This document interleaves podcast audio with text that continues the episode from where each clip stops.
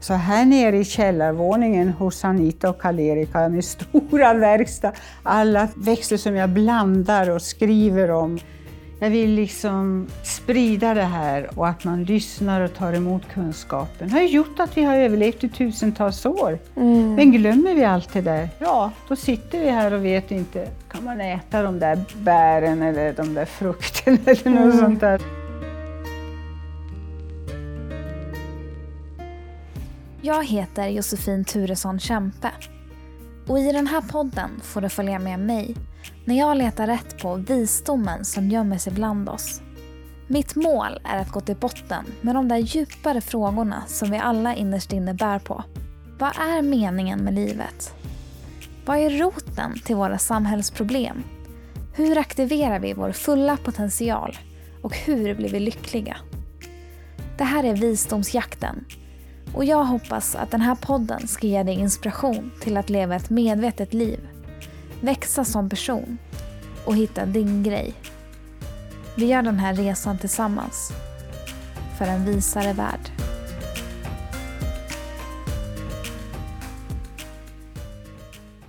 Jag har länge velat lära mig mer om samerna. Vilka kunskaper har de om naturen?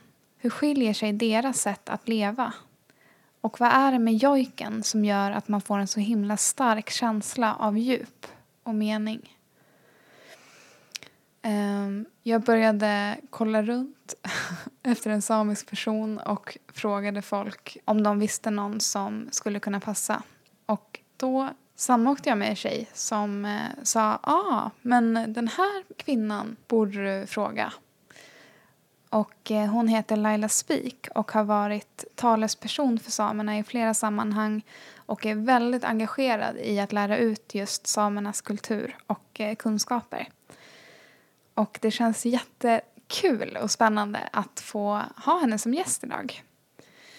Så Laila är uppväxt i en samisk renskötarfamilj i Jokkmokk och hon har rest runt både i Sverige och i stora delar av världen för att dela med sig av den kunskapen hon har fått med sig genom flera generationer.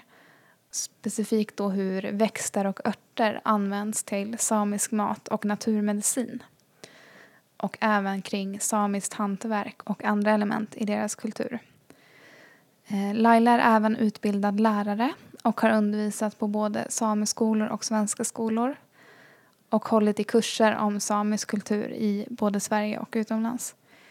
Och idag är Laila 72 år och eh, hemma så har hon mängder med hyllor med torkade växter och eh, hon kan väldigt mycket om olika växter och örter och det som finns i naturen och hur man tar tillvara på naturens resurser på ett respektfullt sätt.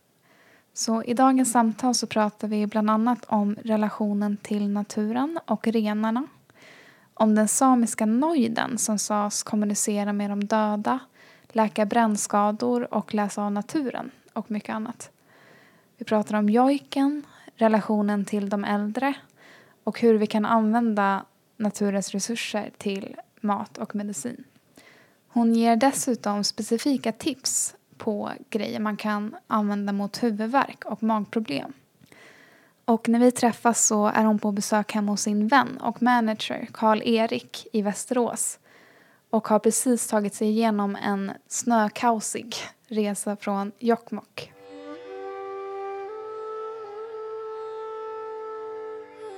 Nu sitter jag här med Laila Spik som har tagit sig ner från Jokkmokk hit till Västerås till en bekant eller kompis. Och eh, det var ju lite med nöd och näppe du tog dig ner hit, eller hur? Ja, det var ju ett förfärligt snöoväder. Och tåget var ju två dygn försenat. Vi fick byta tåg och vi fick eh, pulsa i snön. Och så småningom så hamnade vi från Gällivare till Umeå. Vi kom inte längre. Och där fick vi stanna två dygn på hotellet. Och sedan så gick resan vidare söderut. Och då hade man fått lära sig en hel del. Men så är vädrets makter. Mm. Känner du att du har fått så mer motståndskraft mot hårt väder och sånt där?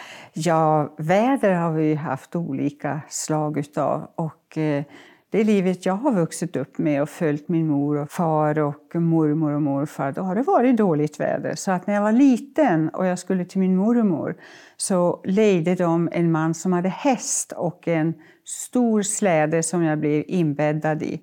Och då sa min mormor, ja nu är Laila i faten, nu blir det dåligt väder. Och så var det.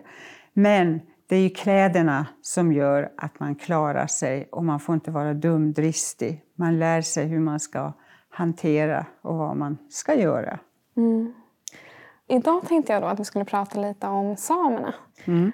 Och samerna kallas ju också ett naturfolk.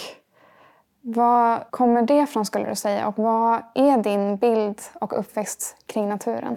Ja, jag kan gott förstå varför de kallar oss för naturfolk. För vi har ju vuxit upp i naturen. Vi har förflyttat oss i olika naturmiljöer därför att vi har ju följt renarna som ska ha olika beten sommar, vinter, höst och vår. Och då har vi fått flytta med. Och då har det varit olika sätt att leva under de här perioderna. Mm. Men hur lång sträcka var det? Ungefär det varierar. Vissa perioder flyttade man kanske tre till fem mil per dag, inte längre. Och så stannar man en tid där beroende på att renarna skulle vila, de skulle beta, det var dåligt väder och det kanske var andra hinder. Så att det tog ju sin tid att förflytta sig från vinterlandet upp till sommarlandet. Då stannar man en längre period på ett ställe och så for man vidare och så flyttar man beroende på hur betet var för renarna. Mm, jag skulle mm. precis fråga varför man gjorde så. Men det är för att det är på vissa ställen de betar? Ja, det är olika betesmarker och mm. grödor som de ska ha. Mm. Ah, okay. Och sen är det väldigt viktigt därför att vajorna, honrenarna, har ju sina favoritområden där de föder sina kalvar. Och det som min far sa, nu är det de där gammeltanterna som ska fort fram, för där ska de föda. De har vissa områden som de går till. Mm -hmm. Men finns det någon annan anledning till att man kallar samer för naturfolk? Naturfolk, vi har ju alltid levt i naturen. Mm. Och naturen har ju varit från hav till hav. Vi har flyttat från Bottenviken ut till Atlanthavet under olika perioder. Och eh, det har ju varit för att renarna ska få den föda de ska ha och för att människorna också ska kunna få det vad de behöver. Som exempel kan jag ta när min far var liten så fick han lära sig att gå ner till den norska kusten. Och där hade de då värdfamiljer, fiskare som tog tara, den röda tången, och hängde den på tork där man hade fisk. Och sen då kom de här pojkspolingarna som pappa kallade dem med härkarna och stora skinnsäckar. Och då stannade de uppe på fjället med de här härkarna, de som skulle bära. Men då gick de här pojkspolingarna ner och packade säckarna full med torkad tara, det vill säga rödtång. Och sen bar man upp och pappa sa att det var det roligaste de visste för att det var ju dålig balans och ramlar man så var det roligt och så vidare. Och så vidare. Och sen så lastade man det på renarna och gick tillbaka då till farmor och Eh, mammor och det som fanns då. Och då gjorde man så att man kokade en del utav det och då hängde man då tången på tork och vattnet som blev kvar det var ju saltvatten och mycket mineraler. Och då reducerade man det och satte i såna här träkärl. Och då satte man det i kallkällan. Mm. Och tången satte man på tork, för det smular man. Och hade man lite fågel kanske just då, eller lite fisk, så gjorde man soppa. Och då satte man det tillsammans med det och det var en form av förtjockningsmedel. Och när man bakade oh, bröd, okay. då hade man det också. Mm -hmm. och, för det var inte alltid säkert man hade mjöl, utan man hade rötter från olika växter och som man malde med sten och blad och mycket annat. Och då skulle man ha ett bindemedel och då var tången bra. Likadant att man tog svamp som band ihop det hela. Mm. Så att det har alltid varit en tanke bakom allt de har plockat, hämtat och varför man har flyttat till kusten och så vidare. Mm. Så är det som en grej som du har lärt dig mycket när du har växt upp? Liksom att man ska ta tillvara på varje del av saker ja, och ting? jag ska tala om. Jag är jätteglad att jag har haft en mormor och morfar och släktingar som har lärt mig. Du kan ta vara på allting i naturen. Och eh, det har varit mitt stora intresse att bevara och att lära ut det. Men då blir man ju en udda varelse därför att då säger man det där har vi aldrig använt. Nej, det kan ni ju inte ha gjort därför att ni har inte fått lära er det. Mm. Och jag har ju skrivit ner och spelat in vad min far och mor och på en rasslig sån här liten kassettspelare, mormor berättade och så vidare och så vidare. Och alla, jag älskade att gå hos gamla människor. Det var som en sagans värld när de berättade. Mm. Och det är det jag har levt på idag. Och då säger många, ja men det där har vi aldrig använt. Nej, det kan jag gott förstå, men jag har vuxit upp med det. Mm. Och jag vill lära ut till dem som är intresserade. För vem säger att världen ska vara som den är nu? Att man bara går till affären och köper? Vi kanske måste gå tillbaka till det gamla sättet att överleva och leva vissa perioder, inte kanske hela tiden. Och då är de här baskunskaperna som man har glömt väldigt bra att ha. Ja, hur man tar tillvara på saker som finns ja, i naturen. Precis. Är det något speciellt som är väldigt enkelt som du kan tipsa om nu? Eller liksom som du tycker? Ja, mycket det är ju att man plockar olika växter och torkar dem. Och eh, det kan man då mala med sten som man gjorde. Idag har man ju såna här kvarnar och mixer så man kan blanda allting och få en väldigt mineralrik eh, mineralrik mjöl som man kan baka med, göra mm. soppa. behöver aldrig vara utan mat. Och då använder man bark till exempel att färga skinn med när man garvar. Och du använder bark till att eh, ha som förtjockningsmedel med mera, med mera. Mm. Allting använder man på olika sätt. Och har du alla de här kunskaperna så klarar du dig. Då behöver inte gå och köpa en massa mm. saker och ting i affärerna. Mm. Varför tycker du att man inte ska köpa i affärerna? Och istället? Det finns ju väldigt mycket som innehåller gifter. Och det är mycket bättre då till exempel att använda det som växer ut i naturen. Men du får inte vara lat. Du ska vara väldigt aktiv. Du ska veta hur torkar jag, hur förvarar, hur kan jag använda och sen sprida ut det. Jag har rest land och rike runt för att lära ut det här. Och det tycker jag att kan man och har man fått sådana här kunskaper, det är ett arv och det, då är man skyldig att dela med sig det här arvet. För det kan gälla framtiden. Vi mm. vet ingenting om det. Du får vitaminer, mineraler, allt vad du behöver. Mm. Gud, det finns så mycket man kan prata om på det här temat känner jag. Mm. Ehm, jag funderar på om du skulle få berätta lite om vad det innebär att vara same. För det finns ju så mycket myter och fördomar och så här. Många vet väldigt lite egentligen och det bara slängs med det ordet hur som helst känns det som. Finns det någon sån här måttstock? Vad innebär det att vara same, skulle du säga? Det finns inga måttstockar. Nej.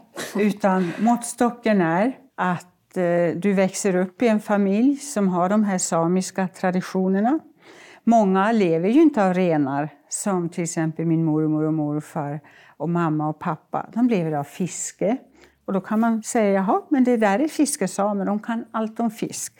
Och det finns de som har varit jägare, det finns de som har varit och plockat till andra och bytt och förmedlat vidare. Mm -hmm. Så att vi har haft, vad ska vi säga, olika yrken om man nu säger ah, så. Okay. Och vi har haft olika kunskaper. Och då har man gift in sig kanske i den familjen som har de kunskaperna och sen har man mm. spridit och man har levt som i små kollektiv i ett litet område. Man jobbar tillsammans med renarna för man kan inte klara av ensam allting. Mm. Och så delar man med sig. Mamma min och mormor de plockade äggskal. Ägg plockade de, men då tog man vara på äggskalen, tvätta och torka. Och sen satte man i en påse och sen så slog man så här och då fick man mjöl. Man malde med sten och kvarn som man då hade, kaffekvarn eller någonting annat, och blandade. Och så mycket gott som jag har ätit önskar jag att många skulle få äta. Mm. Vad är det godaste du har ätit? Allting. Allting, All, är gott. Det går inte att välja. Det går inte att välja. Men har du någon favoritråvara? Det är ju djur, jag ska säga, säga djurkött. Det är från okay. björn, det är från fåglar av olika slag. Det är fiskar och det är renen och det är björnen och det. Men sen är favoriten också det, vad har djuren inom sig? Finns det någonting de vi kan använda? Jo, tarmarna, magarna som man tvättar, tar vara på blodet och trär i tarmar, hänger dem ut på tork på våren. Magen som man gjorde förr. Och som barn då var man ofta där och gjorde lite rackartyg när de hängde på tork. Stack hål. Men då fick man springa allt vad benen bar. Därför att vi förstod inte det som är. Så gör man inte, men det lärde man sig ganska snabbt. Att du lever ett gott liv med det som djur och natur erbjuder dig. Öppna alla dina sinnen. Ta tillvara på det. Lär ut. Förkasta inte det. Många tycker att det inte är så fint kanske. Men okej, okay, nu har man ju börjat ändra på den synen. Jag vet när man börjar till exempel sälja nyponpulver och min pappa köpte det, han fick eksem. Nej, sa han, det är bättre att äta som vi har gjort. Blåbär, hjortron, tranbär, lingon och mycket annat. Torka och sen maler man och så kan mm. man koka det. Mm. Så att eh, det var förenat med eh, tillsatser och sånt där som gjorde då att allergi uppstod. Mm. Så att eh, idag har man ju fått förklaringen till att ja, jag kunde inte äta det. Ja, men det är ju allergi naturligtvis. Mm. Så att eh, jag håller fast vid gamla traditioner. Mm. Men tänker man att djur och natur liksom har en själ eller finns det någon sån filosofi kring? Naturligtvis har djuren en själ. Allting som finns i naturen har en själ. Varför kan de röra sig? Varför kan de låta? Och varför växer det? Och när vi smakar så tycker vi att oj, det här är väldigt gott. Och står du och tittar på någon växt och tänker, ska jag plocka dig eller ska jag låta dig växa? Och lyssna så får du svaret. Ja, då tar man för att då är växten redo att överlåta sig själv till dig. Aha. Så man All... frågar om lov? Innan... Ja, man ska göra det. Därför att man kan inte bara gå och bedriva rovdrift. Du får ett svar och det får man lära sig när man har varit liten. Eller att du har fått gåvan av dina föräldrar, far och morföräldrar eller någon annan släkting eller god vän som har gett dig någonting och få dig att bli intresserad och lära dig. Kom ihåg, fråga om lov, lär dig att tolka och tacka. Och du kastar inte bara och sliter upp, utan du lämnar det på en speciell plats och återkommer en annan gång för att se vad har hänt. Likadant är det med vatten, mm. med träd. Jag tar ju bark från olika träd, jag plockar kott kottar, jag plockar löv, jag plockar barr. Det finns så enormt mycket. Och gör man en sån här pedagogisk resa som jag brukar göra i naturen och berättar och visar, de får lära sig, de får tolka och känna när de avger dofter, när du liksom går över med handen. För att när de börjar avge kanske lite starka dofter, då låter man dem vara. Därför att de har inte vuxit färdigt. Och det kan man se då på växten. Aha. Så de har en själ. Men vi har ju förlorat de tankarna. Vi tänker inte så. Människan har blivit så rationell. Mm. Men gå tillbaka, tänk efter. Vad har dina föräldrar, mor och farföräldrar berättat? Eller många gamla människor som har haft kunskapen men som är borta nu. Mm. Så det gäller att ta reda på Skriv, lär dig, dela med dig. Mm. Men det är både djur och natur och allting du tar i naturen frågade om lov innan. Ja då. Hur får du det svaret då? Från? Svaret kan vara till exempel om jag tittar på en växt som jag tycker är väldigt gott, det är fjälltoltan, björntoltan. Och den plockar jag därför att jag använder den till sallad. Det är mycket bitterämnen i den och jag torkar den. Och den kan bli väldigt hög. Björnen tycker också om den. Och då frågar jag om jag får lov. Och då tycker jag, nej, det, det luktar inte så gott, utan nu går jag. Och då visar det sig, för jag frågar min far, ja den håller på att växa, den har inte vuxit färdigt. Och då finns det ju en dold kommunikation, den här tysta kommunikationen. Det är inte med ord, utan det är med dofter, Aha. det är med ljud och hur den rör sig. Wow, okay. Så att när man är ute i naturen ska man ta tid och man ska gärna lyssna. Jag har fått höra när jag var ung, även idag, hon är knäpp. Men det bjuder jag på, för den knäppheten har gett mig enormt mycket och mycket av det brukar jag ta vara på för att använda som naturmedicin. Och eh, det har ju blivit någonting som människan vill lära sig mer utav. Så allting har en själ, men vi är inte vana att tala om själen och man tycker att det är lite skamligt. Men, nej, hm, det blir så här mm. hum hum. Ja. Men vad är en själ då? Själen är någonting du inte kan ta. Det är någonting som du får i ditt sinne. Det är någonting du kan känna doften utav. Du har till exempel, ska vi ta Linnean? Och om du då rör den lite grann så doftar den ju väldigt, väldigt gott. Och då kan du plocka den och så kan du koka te och det är ett underbart te att dricka. Men hade du inte rört vid Linnean, då hade du aldrig plockat den. Och så kan du upptäcka mycket av det som växer i naturen. Men man ska lära sig, det finns många giftiga växter. Och det är det man har fått lära sig allra först. De här är inte bra, men renen kan äta, älgen kan äta, björnen kan äta. Men vi människor är inte skapta för det här, för mm. vi har bara en mage. Men de här djuren har flera magar och de behöver det för matsmältningen. De behöver det för att lagra fett och så vidare. och Så vidare. Mm. Så att det finns så mycket bakom allt det här. Mm. Och när jag var liten, eller liten, ung och vuxen, jag älskade att gå med äldre människor och med mina föräldrar och min pappa. Jag fick inte sommarjobba. Han tyckte, du har ju jobb att hjälpa mig med renarna. Och det gjorde jag. Åh, vad jag är glad över det idag. Jag har fått lära mig väldigt mycket och det är jag väldigt tacksam.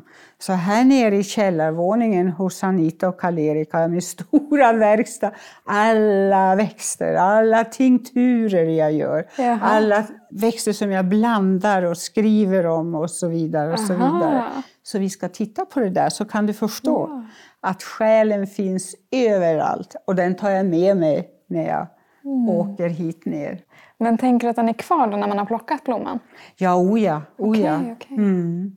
Den finns ju kvar även om den har torkat och är hård och så vidare. Mm. Lägger du den i vatten eller lite sprit eller någonting eller gör en salva och koka, den utsöndrar ju smak och doft. Mm. Då kan den ju inte vara helt Död. borta. Utan det är sånt liv som vi aldrig talar om. Mm.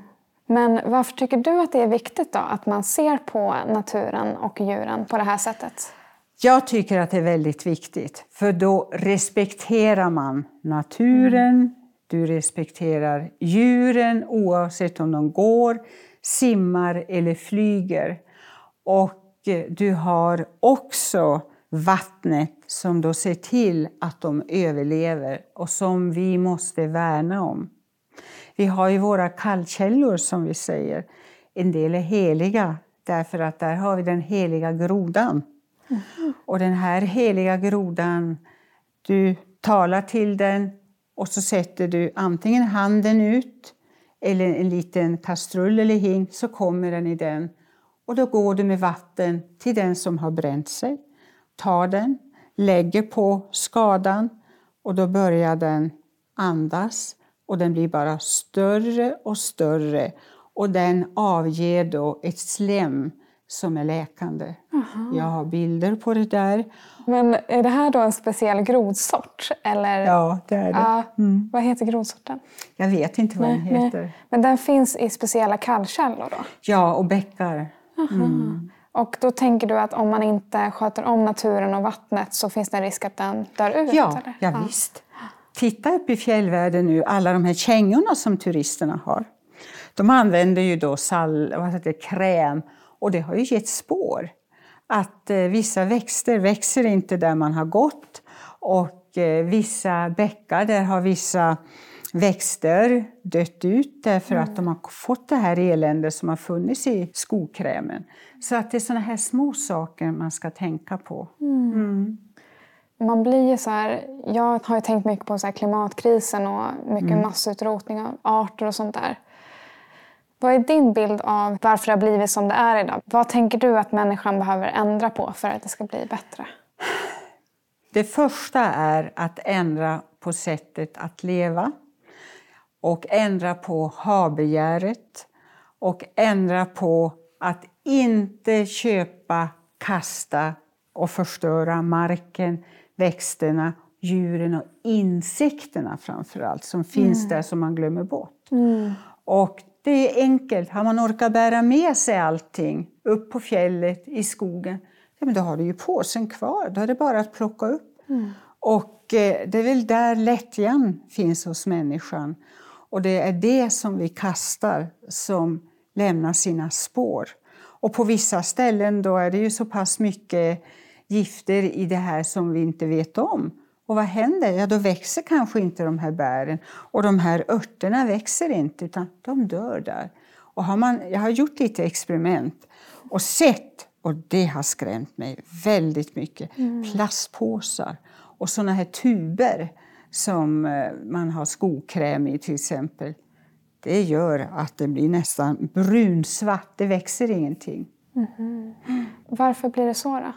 Ja, det innehåller ju någonting som inte är bra för vår natur, inte är bra för djuren och vattnet när det regnar. Det löser upp och sen så mm. flyter det ut och så. Ah, okay. Mm. Okej, okay, så få bort ha-begäret. För att om man tänker att man äger naturen så gör att mm. man gör dumma val. Mm.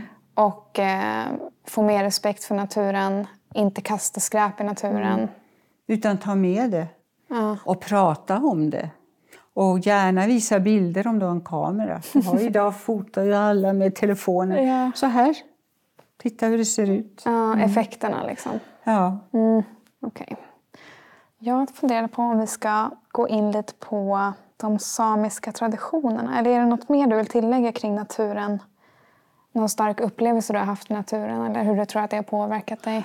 Det finns ju så mycket starkt och det finns vissa platser som jag växte upp där vi alltid tog vatten och mm. drack.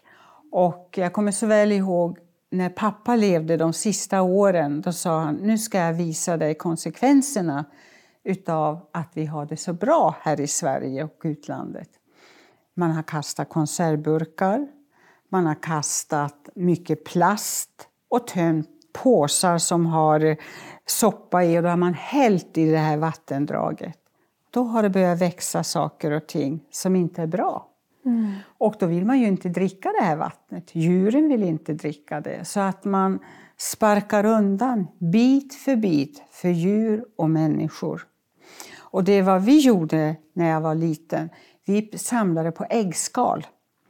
Och eh, mamma sköljde, satte i en sån här tunn säck med eh, grovt vävt mm. och hängde det någonstans och torka. Och sen när vi kom tillbaka så gjorde hon och jag så att vi hamrade i en tygpåse så att det blev som pulver. Mm. Och det pulvret gick vi då till den bäcken där vi tog dricksvatten. Mm. För vi hade sett att det var lite för mycket skräp. Och då frågade jag, varför ska vi göra det? Jo, därför att äggskalen det innehåller kalk och det renar vattnet. Och hon sa, när du blir stor får du börja läsa om allt det här som kan rena. Det är så mycket formler och allt det här. Så att jag brukar samla på äggskal och sen kastar jag i bäcken och det får då rinna där och röra om och eh, sen kommer det ner till sjön då. Mm. Och det gör väl någon nytta någonstans på mm. vägen. Wow. Det är så enkla grejer låter det som när du pratar om det. Det är det nämligen. Mm. Men det är det att människan vill ju inte tro. Det ska vara avhandlingar om allting. Gammal kunskap och visdom, det sopar man undan lite grann. För mm. det hör liksom inte hemma i den här moderna världen. Mm. Tur att mina lyssnare vill ändra på det. Mm, det Få lite jag. visdom här. Små förändringar, om man delar med det till alla, kan göra underverk. Mm. Mm. Så man behöver inte tänka att man ska rädda hela planeten utan man kan göra små steg. Man börjar i den närmiljö där man vistas i och verkar i och bor. Ja. Pappa och jag vi brukade plocka sten i den bäcken där vi kastade de här äggskalen. Och så la vi dem i högar på olika ställen och byggde som små broar där jag kunde gå över. Och det pålade och det for så här. Och då, då frågade jag varför har du gjort så mycket av det här? Varför ska vi göra det här? Jo, därför att det renar vattnet. Det kommer och så frör det om. Och det, titta på algerna här. Det har börjat växa tack vare att de kommer fram och de renar vattnet och så vidare. och så vidare. Sätt lite mera sten, kasta lite äggskal som gör. Och då blir det en enkel och naturlig rening. Ja. Som alla kan göra. Ja, verkligen. Superintressant. Ehm, jag har varit lite nyfiken på, det finns ju något som kallas för noid. Fast nu kanske det inte kallas så längre, det kanske var förut. Det var förut, ja. Nu är det Noiden, schaman. det var en klok kvinna eller klok man. Okej. Punkt slut. Tog, tog det hela från dig. Men jag tänkte jag säger det på en gång. Ja, ja. Okej, och vad är en klok man eller kvinna då? Kloka män och kloka kvinnor, det gick man till när man ville ha råd om någonting. Som kunde medla, du kunde diskutera och lita på. De kunde avråda. Och du kunde ha samtal med någon som inte blåste ut över hela området så att alla visste vad det var. Okej. Sen så var de här kloka männen och kvinnorna oftast, de kunde stämma blod. Om du hade skurit så kunde de stoppa blodflödet. Hade du bränt dig så gjorde de så att det läkte fort. Då hade de olika läkemedel. Som det kunde vara växter, det kunde vara salva de har gjort, det kunde vara brännskador. Då hade man i kallkällan björksav och så baddade man på. För det innehåller ju väldigt mycket socker och andra ämnen och det läker då brännskador. Så de hade mycket av de här medicinska kunskaperna. Och lugna människor som var goda lyssnare och som visste väldigt mycket om man frågade. Mm, Okej. Men eh, de här råden och allting de gav, vad baserade de, de råden på då? Har de att de kommunicerar med andra eller är det mer en erfarenhetsvisdom? Det var ju människor som hade väldigt mycket kunskap inom sig och som kunde avläsa naturen, avläsa djuren med vindar och moln och hur allting såg ut. Men sen hade man ju den här mentala kraften. Och den mentala kraften, det är ingenting man går och pratar om, utan det hade de med naturen, med de själar som du inte kunde ta på, utan finns omkring oss. Även om du dör fysiskt och kroppen liksom läggs ner, du har ju själen som lever kvar. Och många kunde hålla kontakten. Och många som har fått den gåvan är ju väldigt rädda. De vill inte befatta sig med det. Men tar man det lugnt och lyssnar och lär och du får gåvan kanske från din far eller mor eller någon annan, ta emot den. Hjälp när behovet finns. Gåvan att känna av då och ha den här klokheten. Okej. Men var det så då att de kunde kommunicera med de döda också då? Ja, oja, oja, det kunde de. Vad är din personliga upplevelse av sådana schamaner? Vi har ju inte idag någonting som kallas för schamaner. Det har ju blivit väldigt populärt. Och eh, vi använder inte det ordet. Nej, det är något okej. som har varit och som prästerna pratade om och som vi då blev förföljda, brända på bål. Och eh, det är historia, utan det behåller vi för oss själva.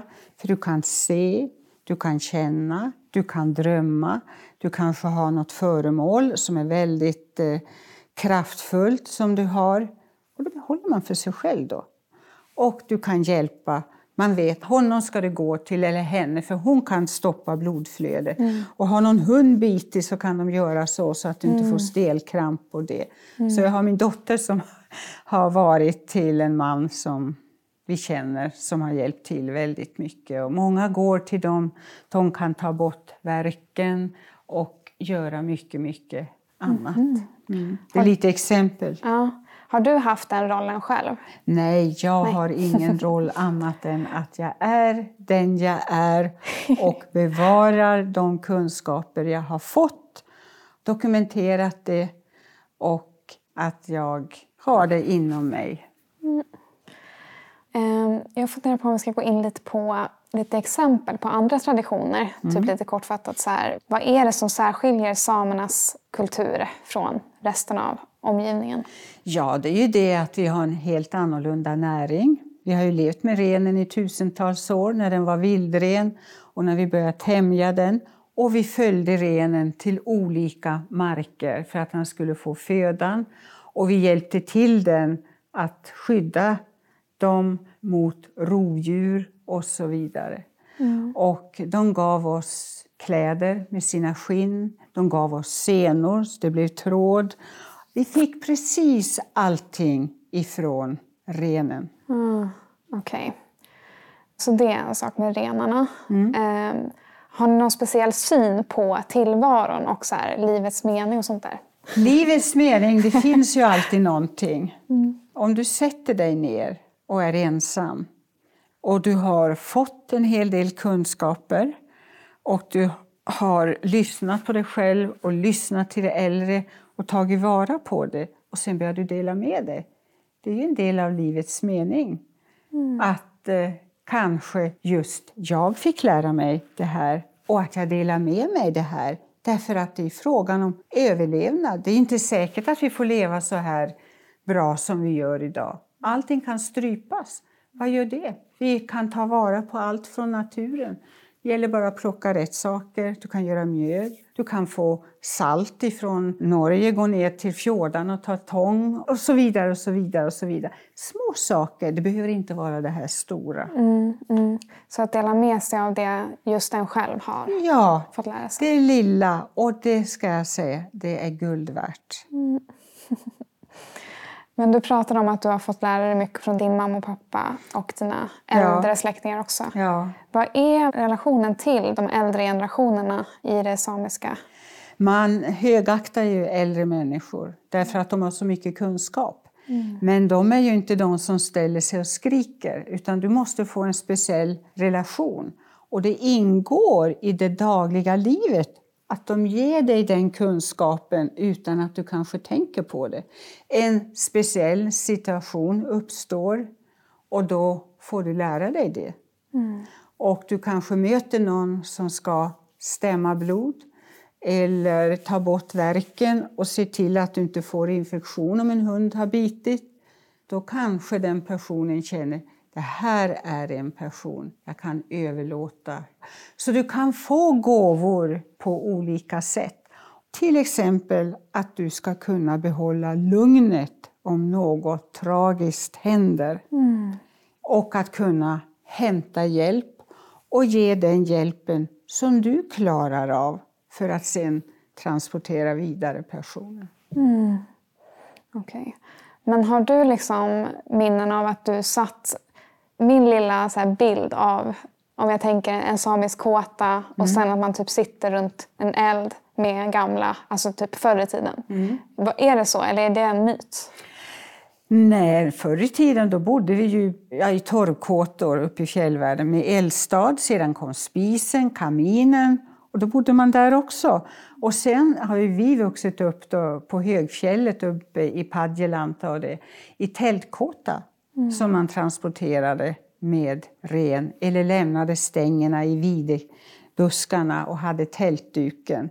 Och elden var ju samlingsplatsen där man lagade mat, man bakade, man kokade, man torkade, man berättade och där man samlades. Mm. Så att elden har varit den centrala punkten och det har ju varit överlevnaden mm. för oss.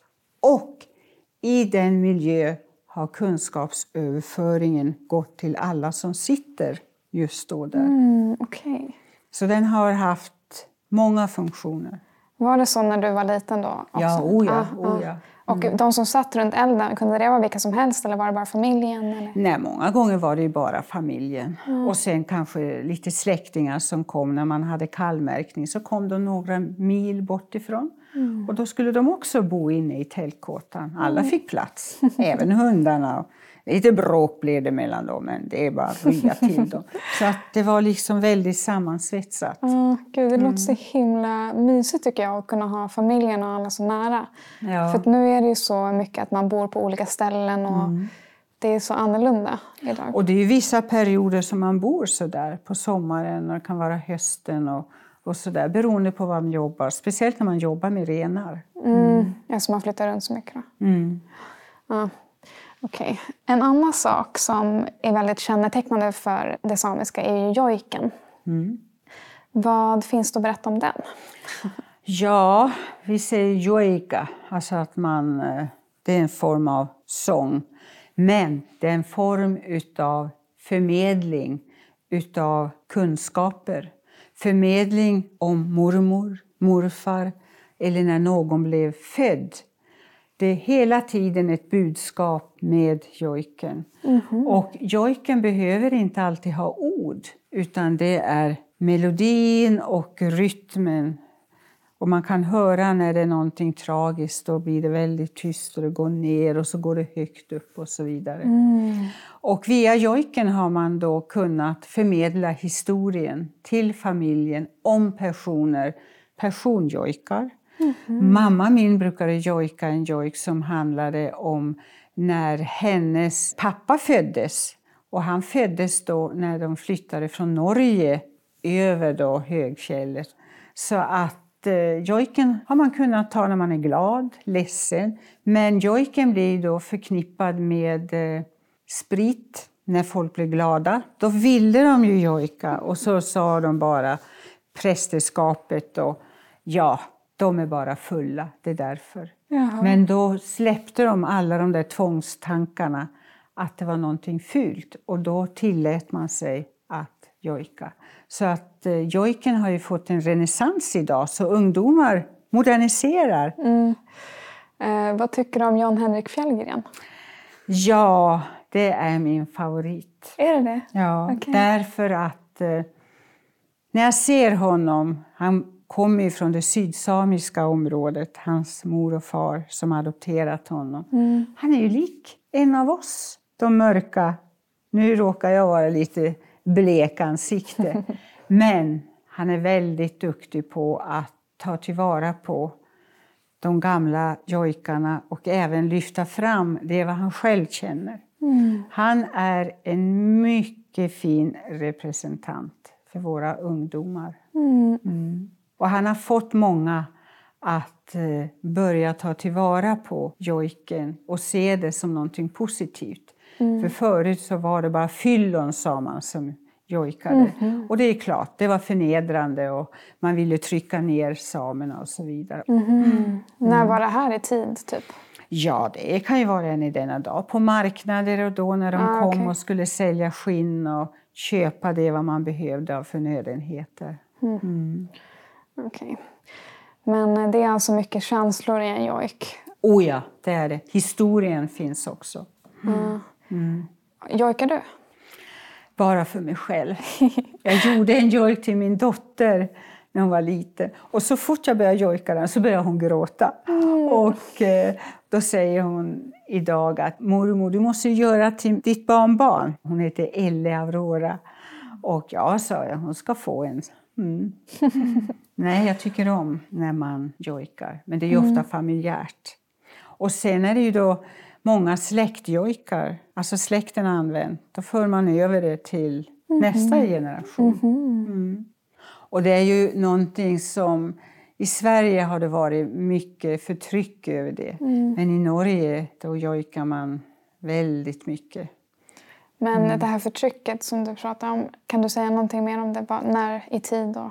Ja, det har, än i denna dag kan de tycka att, att nej, men det, där är, det passar inte in i den här miljön, vill ni vara tysta och så vidare. Mm. Mm. Men det har ju blivit väldigt populärt nu. Ja, det har och det. Eh, det börjar liksom luckras upp mm. och folk tycker ju om det. Varför tror du att det är så populärt? Därför att det är inte svensktoppen, så att säga, utan det är rytm och det är melodier och när man får höra texten översatt till svenska så är det väldigt känslosamt. Mm. Mm. Det kanske talar till någonting i oss också. Ja, det gör det. det, mm. gör det. Mm. Är det något annat, någon samisk tradition eller någonting som särskiljer just samerna som du bär med dig? Liksom? Och det är mycket, ja. enormt mycket. Bland annat läkekunskap. Ja.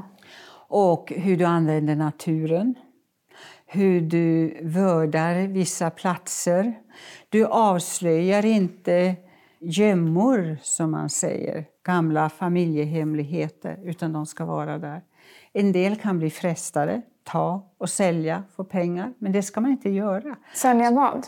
Sälja om det är någon gammal sak som finns där och någon frågar efter. Någon behöver kanske pengar eller sådär, som mm. faller för den dumma frestelsen. Mm. Och att man inte ska visa, utan man låter det vara.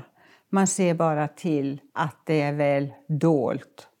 Och sen lämnar man över den vetskapen till någon i familjen eller släkten som du litar på. Mm. Vad är det som ska vara dolt och varför? Ja, för att det är ju, idag är man ju ute efter skatter som det heter.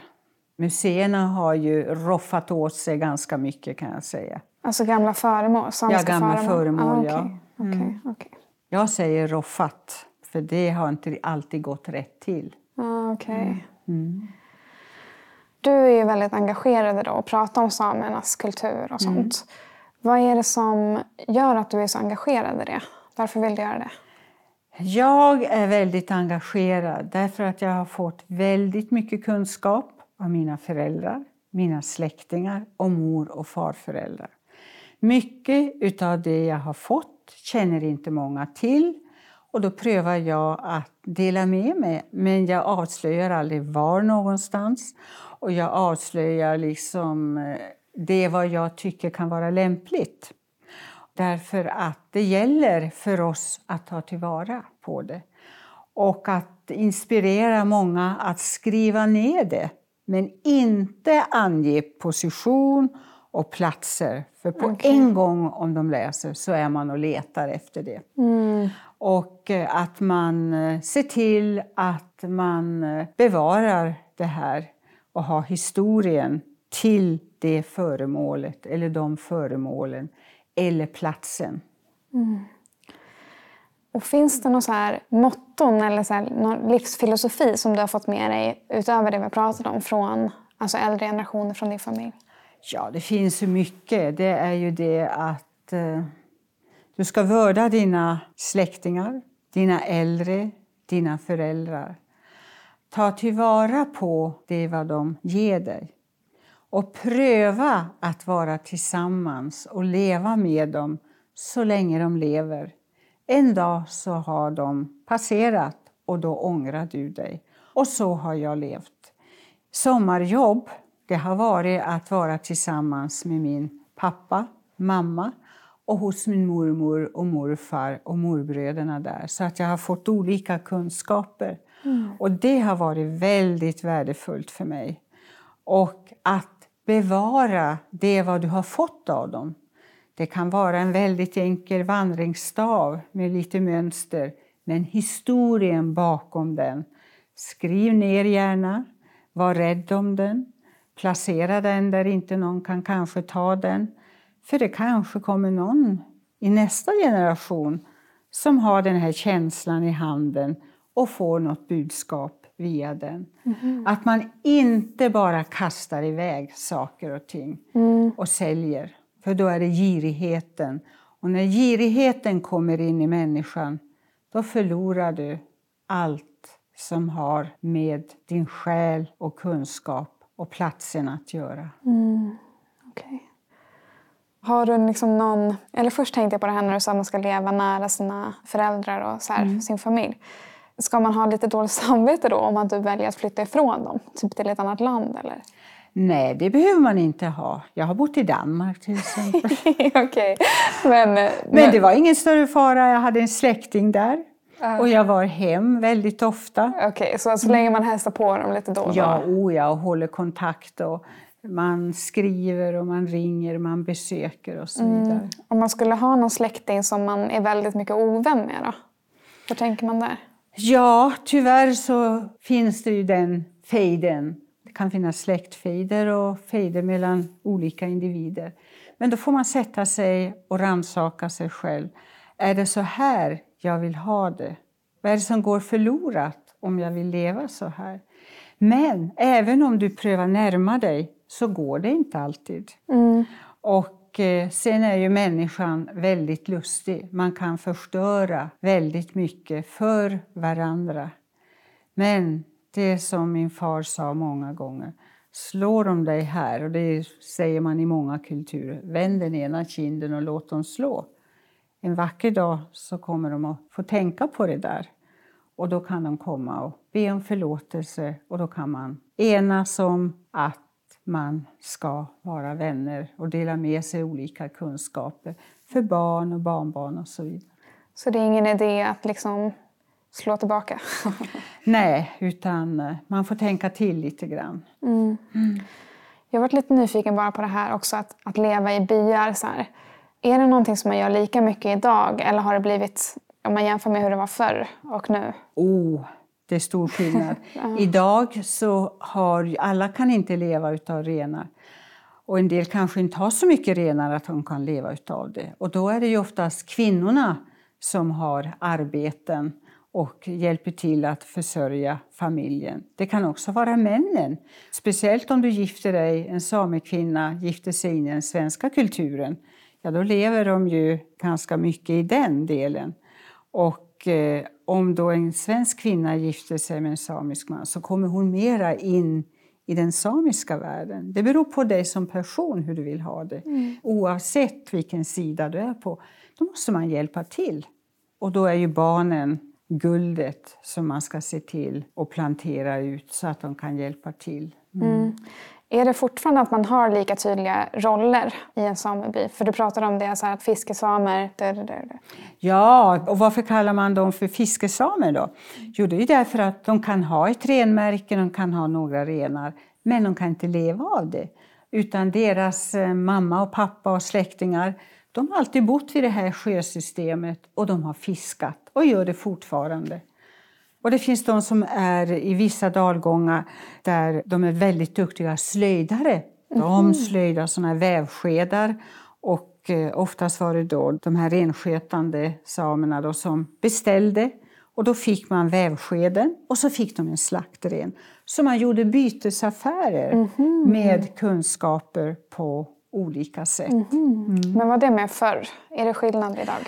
Idag är det ju stor skillnad, men många gör det ändå. Ja, okej. Att man kör lite byteshandel? Ja, man kör lite byteshandel och det är väl det som är det roliga. Mm. Tycker jag i alla fall. Okej. Men brukar du erbjuda lite läkeväxter och sånt då? Eller vad är din... Det finns faktiskt de som säger, kan jag få utav de här salvorna? Och så berättar de var. Har du några växter som man kan dricka för det här? Och jag har sagt att du får komma till mig så ska jag lära dig. Och eh, då kan jag känna efter, ja det här är en sån person som bör få ta över kunskapen och behandla sina närmaste, sig själv och kanske dela med sig. Har man också en syn på liksom sjukdomar, hur de uppstår? Alltså någon annan syn? Nej, det Nej. har man inte. Man kan tänka sig om man nu tittar i modern tid, ja det är sättet att leva som man får de här sjukdomarna. Men man vet inte varför, för vi kan inte rå på det. Nej. Okej. Men man har lite andra mer naturliga sätt att behandla Ja, saker? oh ja, oh ja. Och, och liksom det här, man har ju förlorat väldigt mycket av det här att ta vara på det som växer i naturen och äta. Mm. Och eh, det är väl lite tragiskt, men det är väldigt svårt att eh, få en förändring för det tar ju tid att plocka, bereda och göra det här. Och eh, många har inte riktigt den tiden. Nej, utan de precis. låter det vara. Det är enklare att köpa. Ja, exakt. Men så kan man ju hitta någon som är lik en själv. Och så kan man göra allt det här. Och så börjar den här lilla businessen mellan oss då. Så byter, kan vi byta det här och det där. Och jag har en del då nere i, ja, runt om i Sverige som vi byter. Mm.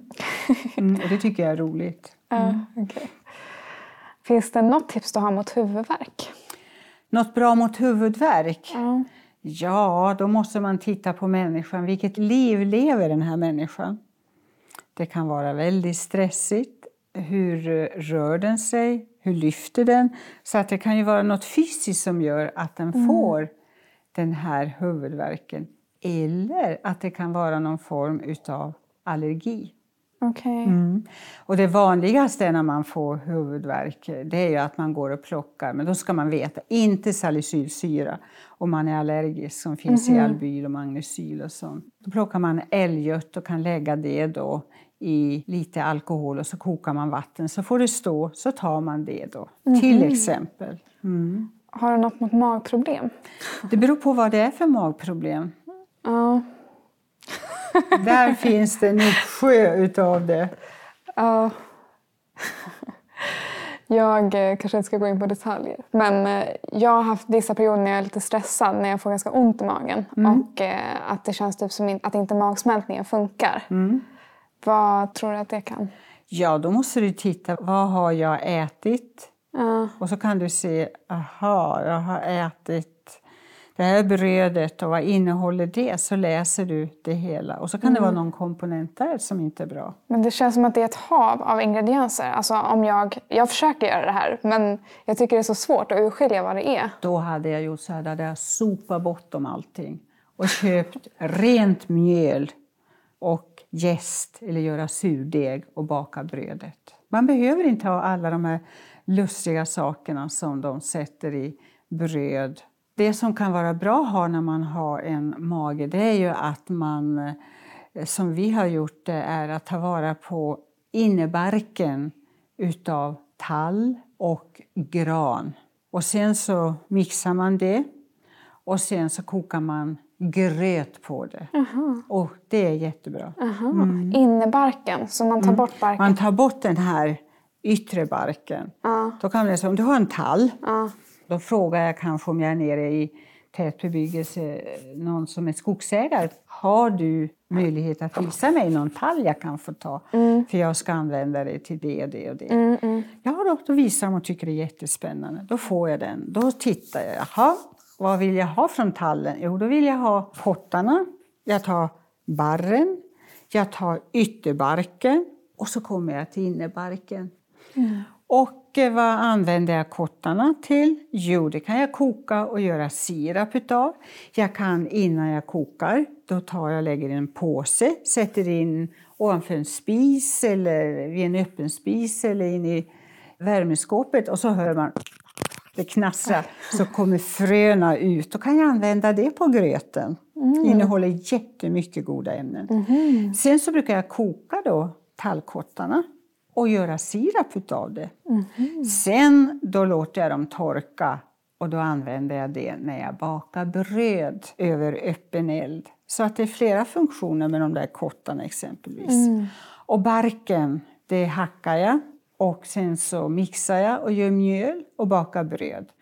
Det är väldigt bra för magen. Då har du inte alla de här märkliga ingredienser som finns. Och du kan köpa det i Finland. Mm. Och det barkmjölet där, om inte du själv kan göra, det innehåller ämnen som är väldigt eh, bra för höga kolesterolhalter i blodet. Mm. Så att det finns så enormt mycket man kan göra. Och ta vara på fröna också. Och du kan också på våren när eh, skotten ifrån tallen börjar växa plockar du dem, torkar och maler och blandar in. får du vitaminer och allt annat. Det är ju lite svårt att snabbt säga så här men det Ja, finns så enormt mycket att göra. Ja, jätteintressant. Jag har ju varit så här med mat och sånt att jag bara tänkt att det inte har varit något intresse. Liksom, att jag bara ska få i mig någonting. Eh, men sen har jag börjat liksom inse mer och mer hur stor koppling det har, mm. alltså det man stoppar i sig. Men jag har ju också det här som säkert många andra, att man har så lite tid och man vill hinna med så mycket på en dag. Och då att springa ut och plocka grejer i skogen, ja. Det, det behöver inte ta tid. Nej. Jag brukar göra så att min bil har en takbox. Där har jag en kratta. Där plockar jag lav som eh, har fastnat efter tallgrenar. Den svarta laven där, manlaven. När granskotten växer plockar jag det. Plockar lite bark som har trillat ner eller petat lös lite lätt. Sådär. Mm. Så att, jaha, då har jag gjort dagens gärning och så åker jag vidare. Så att okay. jag är i farten hela tiden. Så jag är lite grann utav en lycklig ensamvarg. Okej, okay, men ser du till att planera in så att du har extra tid för det här då i din dag? Ja, liksom? i min vardag. Ah. Då tänker jag efter, hur åker jag? Ah. Oj, oj, när jag har farit ifrån Gällivare, Jokkmokk och kört bil hit ner, jag har haft hund alltid, då har jag plockat och har försett mycket av det vad jag ska ha. Och då ändrar sig naturen. Där uppe i norr då har inte tallskotten och granskotten börjat växa. Så kommer jag här ner i karl skog så plockar vi granskott, vi mm. plockar mm. knoppar och mm. lavar och mycket, mycket annat. Okay. Mm. Det är bara det att man ska vänja sig lite grann vid det. Mm. Man ska inte säga åh vad jobbigt det är. Första tiden är det lite jobbigt innan man kommer underfund med hur ska jag göra det här. Mm. Men det är mycket enkelt. Men då ber man om lov då också innan? Ja, det, det ska du be om lov. Mm. Händer det ofta att du får nej när du frågar? Naturen? Ja, det finns det. Mm. Då är det bara att gilla läget och komma tillbaka? Ja, det, jag kommer inte tillbaka dit. Och då vet jag du kommer precis, inte tillbaka? Nej, jag kommer inte tillbaka. Aha. När jag tittar där, då har ju inte träden fått växa så mycket. Mm. Och de ska få lov att växa. Men det är bättre från gamla träd då att plocka grejer? Ja, lite mm. äldre träd. Det får ju inte vara för gammalt. Men ibland okay. är det bara att du petar, om du har trädet här, barken. Du bara bjup, bjup, bjup, bjup. Så plockar du upp dem och skrapar bort lite lav. Men jag brukar låta laven vara kvar. Och sen hackar jag i en påse, sen sätter jag min mixer och mixar det. Mm. Mm. Förutom det här att man känner in då, att, om man får lov, och att man mm. tittar på hur gamla träden är. Mm. Finns det något annat om typ en vanlig person nu skulle gå ut och börja plocka grejer i naturen? Är det någon väldigt tydlig grej man ska akta sig för? Alltså där det är tydligt nej, att man inte ska plocka?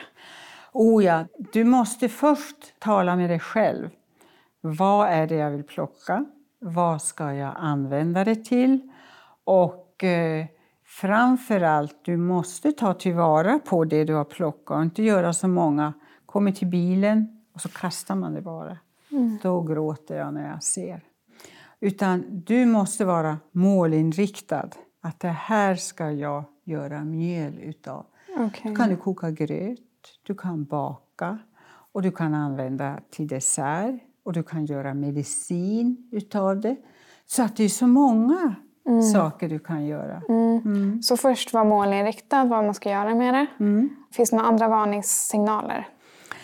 Ja, varningssignalerna är ju du får inte gå och peta bort bark ifrån vilka träd som helst. Och känner du någon skogsägare där de håller på att avverka så kan du gå och fråga, får jag göra det här? Man får inte gå utan vidare i en skog och Nej, peta allt det där. Ja. Mm. Så fråga om lov från skogsägaren, mm. kolla så inte träden är för unga. Mm. Då skadar man ju folk som inte är vana då har man förstört den här plantan som ska växa i hundra år kanske. Ja. Hur tänker du med så här skogsavverkning och sånt? Är det jätteförödande om man tänker på balansen med naturen? Ja, det är det faktiskt. Därför att i vissa områden så skövlar man ju. Och vad växer på träden? Ja, det är olika lavar. Vad växer på marken? Olika lavar och andra växter. Och när man avverkar så förstör man allt det där. Och det tar väldigt lång tid innan det börjar växa. Så det är en, en generation som får vara utan. Mm. Och lavarna används till? Ja, lavar kan du använda. Till exempel renen äter ju... Jag plockar renlav, jag plockar islandslav. Och eh, islandslaven är väldigt intressant för den är som älghorn, ser den ut som, mm -hmm. bred och det. Och och eh, där islandslaven växer, där det finns mycket om det, då får man dansa och sjunga och vara glad. För det talar om att där är luften ren, Vattnet som har kommit ner med regnet har varit rent och därför kan de växa vidare. Mm.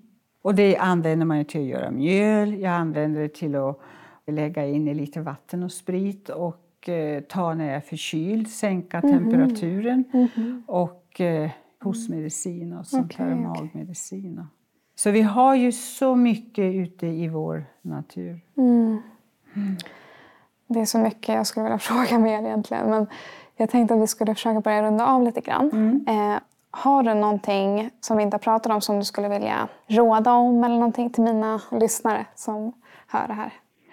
Ja, jag skulle vilja säga om ni har blivit intresserade av det här så tycker jag ni tar ett häfte, skriver ner vad är det jag vill veta och sen så kan man vända sig till sina närmaste, det kan vara mamma, pappa, mormor och så vidare. Vad vet de? Skriv ner det. Be att de visar. Och sen att man söker upp någon som kan det här och frågar kan jag få lära mig lite mer av det här. Då kanske du får ett ja. Och så går man igenom och så vidare. Ge inte upp. Det är bara nyfikenheten som sätter stopp och ditt eget intresse. Mm. Så ta tillvara på kunskapen hos de äldre mm. Och de som har. Fråga vänligt. För är man vänlig så får man väldigt mycket tillbaka. Och det är det som är det viktiga, att ge inte upp. Mm. Och lyssna inte. Det finns så många som säger nej, det är inte sant det där. Men vad är sant för dig? Mm. Och vad är sant för mig? Och det gäller allt i livet? Liksom. Allting är i livet, ja. Man mm. får ta och tänka lite grann och tänka så här, men hur har de överlevt där uppe i fjällvärlden och skogslandet och inte haft apotek och, och så vidare. Det måste vara någon anledning till det. Mm. Och anledningen kan vara just sådana här kunskaper man har. Och så kan man dela med. Man behöver inte dela med allting. Man börjar med det som kan vara intressant och viktigt och skojigt för små och för stora och äldre. Det göra mjöl baka bröd, koka soppa och så plocka något kanske från er trädgård. Då får ni berätta, det här har vi i trädgården. Och så väver man ihop. Mm. Mm. Jag är supernöjd med den här intervjun. Jag hoppas du har fått lära dig. Det är ju en liten, vad ska vi säga, en liten bråkdel av. Ja. ja. Men att man måste ju börja någonstans. Ja, precis. Ja. I framtiden kanske vi kan göra en part två. Ja, precis. det finns så mycket. Jag, tycker det, blev, det var skojigt att du tog upp det här. Ja. Mm. Och du hade svar på allting som jag frågade? Jag hoppas det. det är som min dotter säger. Mamma, men hur ska jag lära mig allt det här? Lär dig vad du kan lära dig. Mm. mm. Man behöver inte kunna allting. Jag är gammal och har fått lära mig sedan jag var liten tills nu. Och eh, min dröm är att ha en fin liten bandspelare där jag kan prata och sen att man kopplar den till en dator eller något sånt där och att den då kan skriva ut och att man då kan läsa och se vad har jag sagt. Mm. Det är min dröm. Men jag brukar säga att drömmar kan ju bli verklighet. Jag vill liksom sprida det här och låta folk tro på sig själv och våga. Och att man lyssnar och tar emot kunskapen Det har gjort att vi har överlevt i tusentals år. Mm. Men glömmer vi allt det där, ja, då sitter vi här och vet inte kan man äta de där bären eller de där frukterna eller något mm. sånt där. Så mm. man uh, får ju tänka till lite grann. Mm. Och kan man inte då ska man vara lite försiktig för det kan gå illa om man mixar med något som inte då ah. stämmer. Utan det handlar ju många gånger att den är giftig den där. Men man måste förvälla för att få bort. Sen är det väldigt bra. Ah, så kolla ordentligt innan man ja, börjar mixa? Ja, man måste med. kolla. Ja. Ah, mm. Tusen, tusen tack Laila. Mm. Du har lyssnat på Visdomsjakten med mig Josefin. Mer information om Laila hittar du på lailasvik.vingar.se. Det finns även en bok som hon har skrivit tillsammans med Anna Bornstein, Den samiska vandringsrösten. Och en film som heter Laila Speak, Sami Culture, Natural Remedies and Foods.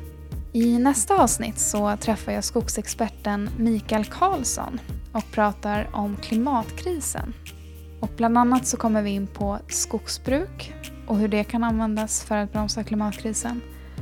Ekosystem, vi pratar om köttindustrin och hur skogen kommunicerar. Och I det här avsnittet har jag dessutom premiär för mina nya mikrofoner så se fram emot att dela med mig av det.